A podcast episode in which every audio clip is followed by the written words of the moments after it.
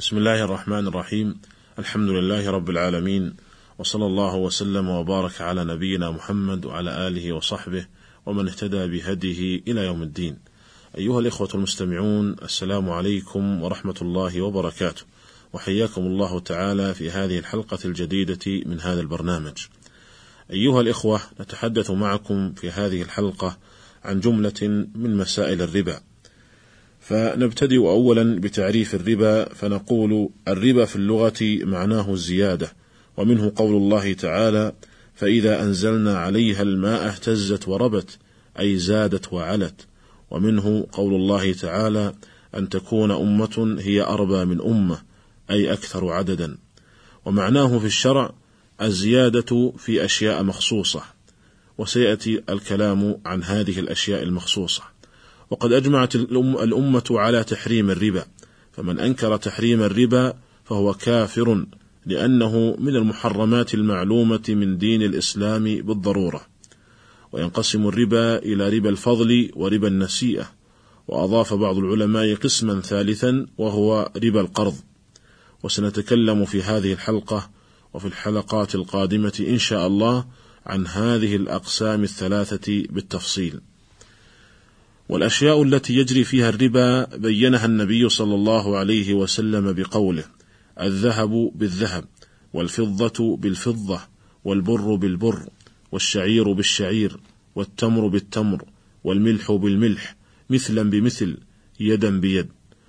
فمن الفقهاء من قصر الربا على هذه الأشياء الستة، وقالوا لا يجري الربا فيما سواها.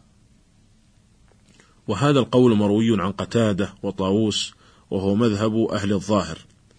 وذهب إليه أبو الوفاء بن عقيل الحنبلي رحمة الله على الجميع. ولكن هذا القول قول مرجوح والصواب هو ما عليه جمهور الأمة من أن الربا يجري في هذه الأشياء الستة وما وافقها في العلة لأن هذه الشريعة الكاملة المحكمة لا يمكن أن تفرق بين متماثلين. ولأنه قد وردت عدة آثار تدل على جريان الربا فيما عدا هذه الستة المنصوص عليها. ومنها ما جاء في الصحيحين عن ابن عمر رضي الله عنهما أن النبي صلى الله عليه وسلم نهى عن المزابنة والمحاقلة. قال: والمزابنة هي أن يبيع ثمر حائطه بتمر كيلا، وإن كان كرما أن يبيعه بزبيب كيلا، وإن كان طعاما أن يبيعه بكيل طعام. ففي هذا الحديث أدخل نوعا جديدا من غير الأنواع الستة المنصوص عليها، وهو الزبيب، وهو الزبيب والعنب، فدل ذلك على أن الربا لا يقتصر على تلك الأشياء الستة المنصوص عليها. ثم اختلف الجمهور في علة الربا، فقال بعضهم إن العلة هي الكيل أو الوزن، فيجري الربا عندهم في كل مكيل أو موزون ولا يجري فيما عدا المكيل والموزون. وهذا القول هو المشهور من مذهب الحنابلة والحنفية. وقال آخرون العلة في العلة في الربا هي في الذهب والفضة غلبة الثمنية وفيما عداهما الطعم. وهذا هو المشهور من مذهب الشافعية.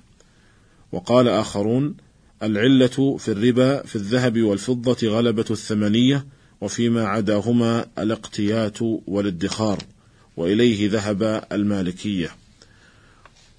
والقول الصحيح في هذه المسألة هو الذي عليه المحققون من أهل العلم هو أن علة الربا في النقدين أي الذهب والفضة الثمنية فيقاس عليهما كل ما جعل أثمانا كالأوراق النقدية في وقتنا الحاضر.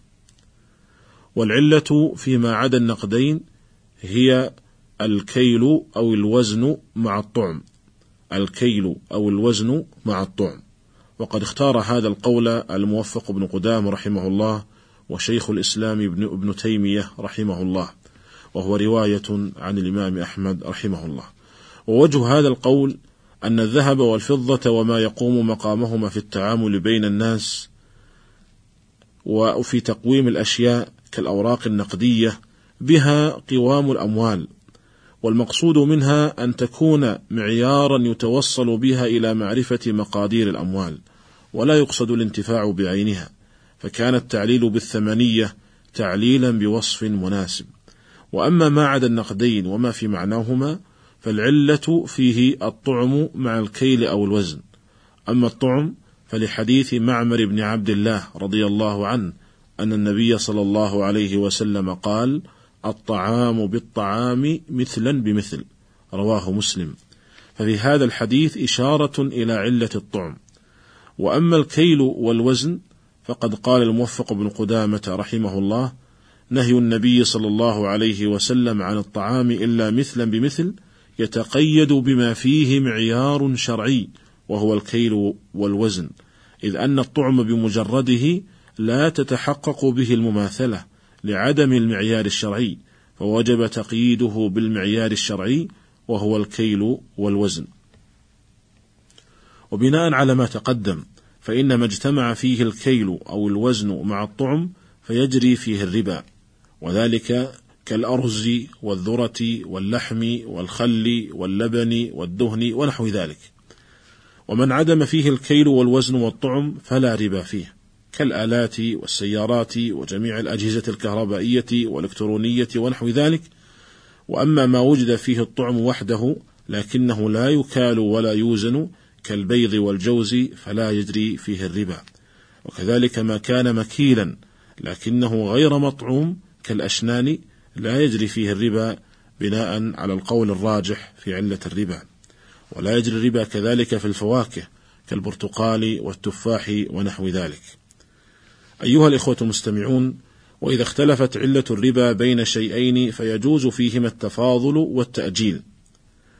وذلك كبيع التمر بالأوراق النقدية مثلا فلا يشترط فيه التقابض لأن العلة في التمر هي الكيل مع الطعم والعلة في الأوراق النقدية هي مطلق الثمنية. ومع اختلاف العلة يجوز التفاضل والتأجيل. وكذلك يجوز بيع الذهب بالبر والفضة بالشعير من غير اشتراط التماثل أو التقابض وذلك لاختلاف العلة. أما إذا اتحدت علة الربا في شيئين فلا يخلو من أن يكون من جنس واحد أو من جنسين. فإن كان من جنس واحد كتمر بتمر فيشترط لصحة بيع أحدهما بالآخر يشترط شرطان.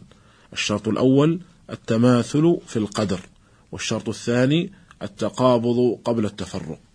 أما إذا اختلف الجنس كتمر ببر فيشترط شرط واحد فقط وهو التقابض قبل التفرق ويجوز التفاضل في هذه الحال.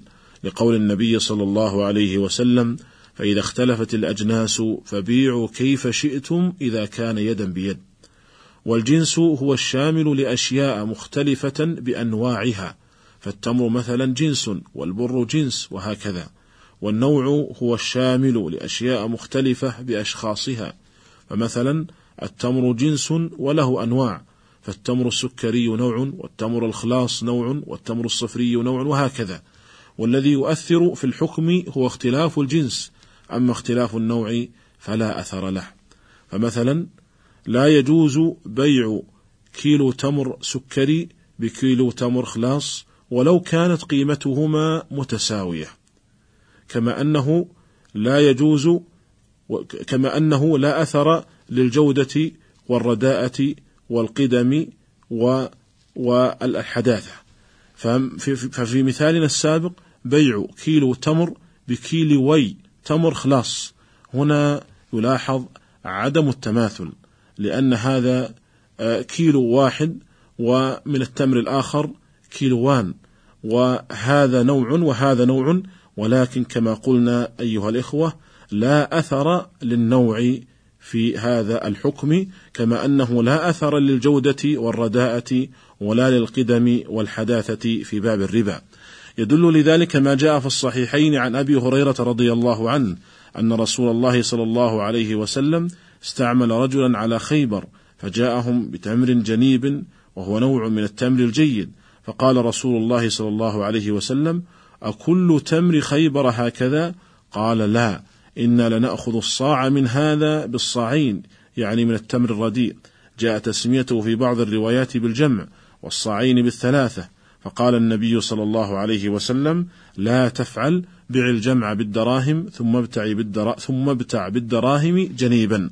ففي هذا الحديث نهى النبي صلى الله عليه وسلم عن بيع الصاعين من التمر الرديء بالصاع من التمر الجيد. وجاء في بعض الروايات أن النبي صلى الله عليه وسلم قال أوه هذا عين الربا مع أن الظاهر هو تساوي الصاعين من التمر الرديء بالصاع من التمر الجيد في القيمة.